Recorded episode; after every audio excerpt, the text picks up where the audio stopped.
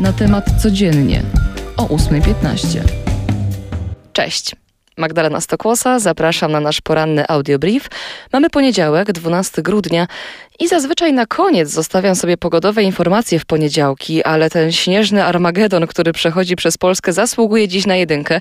W całym kraju służby próbują ogarnąć to, co dzieje się na drogach i nie tylko. Takie intensywne opady, e, jakie wam zapowiadałam w zeszłym tygodniu, trochę z nami mogą zostać. Największe teraz pojawiają się na północy Polski, na wschodzie i w rejonach podgórskich.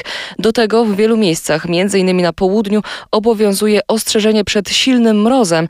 Kierowcy uważajcie więc, bo na drogach będzie po prostu lód, łatwo wtedy o wypadek. Na Warmii i Mazurach prognozowane są również zamiecie śnieżne. Zima zaatakowała nie tylko nas, sparaliżowana jest również m.in. Wielka Brytania. Tam z powodu intensywnych opadów odwoływane są loty, ale także problemy ma transport publiczny. Na drogach szybkiego ruchu tworzą się gigantyczne korki. Jeśli ktoś z Państwa miał wątpliwości, że ten mundial jest jednym z najbardziej zaskakujących w historii, no to chyba ćwierćfinały je rozwiały. Cóż to się w ten weekend wydarzyło? Tak w skrócie, bo te spotkania będę Wam jeszcze zapowiadać. To tak, na placu boju zostały nam już tylko cztery drużyny. Chorwacja, która odprawiła z kwitkiem Brazylię po pełnym zwrotu w akcji meczu. O wszystkim w tym spotkaniu zdecydowały rzuty karne. Druga, Argentyna i wielki sen Leo Messiego, który może się spełnić. W meczu ćwierćfinałowym z Holandią też zdecydowały jedenastki. Starcie tych obu ekip, Chorwacji i Argentyny jutro o 20, a w środę kolejna para półfinalistów, obrońcy tytułu Francuzi, którzy ograli Anglików i Maroko, które wyeliminowało wielką Portugalię i jako pierwsze państwo z Afryki i państwo arabskie powalczy o finał Mistrzostw Świata.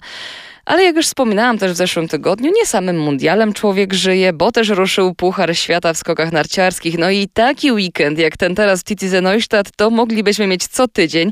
Jak napisał Krzysztof Gaweł na naszej stronie, to były petardy, a nie skoki. Dawid Kubacki zdeklasował rywali w drugiej serii konkursu indywidualnego, skoczył aż 143 metry i oczywiście zdobył złoto. Na uznanie zasługuje też reszta. Piotr Żyła był czwarty, Kamil Stoch ósmy, a Paweł Wąsek jedenasty.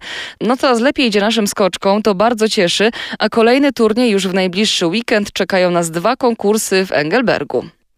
Zmieniamy temat. Od północy można zapisywać już dzieci na szczepienia przeciwko COVID-19. Chodzi o te najmłodsze w wieku od pół roku do czterech lat. W zeszłym tygodniu do kraju dotarło ponad pół miliona szczepionek firmy Pfizer, przygotowane specjalnie do tej grupy wiekowej. Całość to przyjęcie trzech dawek, dwóch w odstępie trzech tygodni i trzeciej dawki po 8 tygodniach od przyjęcia drugiej dawki. Jak podało Ministerstwo Zdrowia, wystawiono około 2 milionów elektronicznych skierowań. Z kolei starsze dzieci powyżej 5 roku życia mogą przyjmować już boostery, czyli dawki przypominające. A dziś ruszają próbne matury. W nowej formule maturzyści będą musieli, no tak jak dotąd, obowiązkowo przystąpić do trzech egzaminów pisemnych z języka polskiego, matematyki i języka obcego nowożytnego, ale na egzaminach z języka polskiego, pisemnym i ustnym maturzystów obowiązywać będzie dłuższa niż dotąd lista lektur, których znajomość będzie wymagana na egzaminie. E, także na nowej maturze na egzaminie ustnym z polskiego zdający będzie losował zestaw zadań egzaminacyjnych, ale będzie też na przykład wydłużony czas trwania egzaminów z niektórych przedmiotów. Co ważne, też w przyszłym roku absolwenci techników będą zdawać maturę jeszcze na starych zasadach, ale licealiści już na nowych, bo będzie to pierwszy rocznik czteroklasowego liceum. Przenosimy się do Stanów Zjednoczonych, które nie przestają zadziwiać. Tam za kwotę 114 tysięcy dolarów sprzedano spodnie wyłowione z wraku. Są to robocze spodnie, które znaleziono na dnie statku Central America, który zatonął w 1857 roku. Statek ten płynął z Panamy do Nowego Jorku i zatonął podczas huraganu. Spodnie znaleziono w kufrze kupca i weterana wojny meksykańsko-amerykańskiej z Oregonu, Johna Dementa. A żeby tak jeszcze pozytywnie jakoś zakończyć, no to nadleśnictwa w całej Polsce zapraszają po świąteczne drzewka. Te najtańsze można dostać już za kilkanaście złotych. No i to zdecydowanie tańsza opcja niż kradzież z lasu, za którą grozi, przypominamy, 500-złotowy mandat.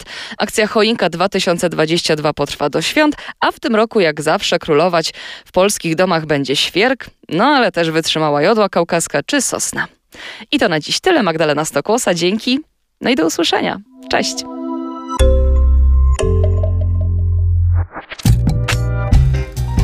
Na temat codziennie o 8.15.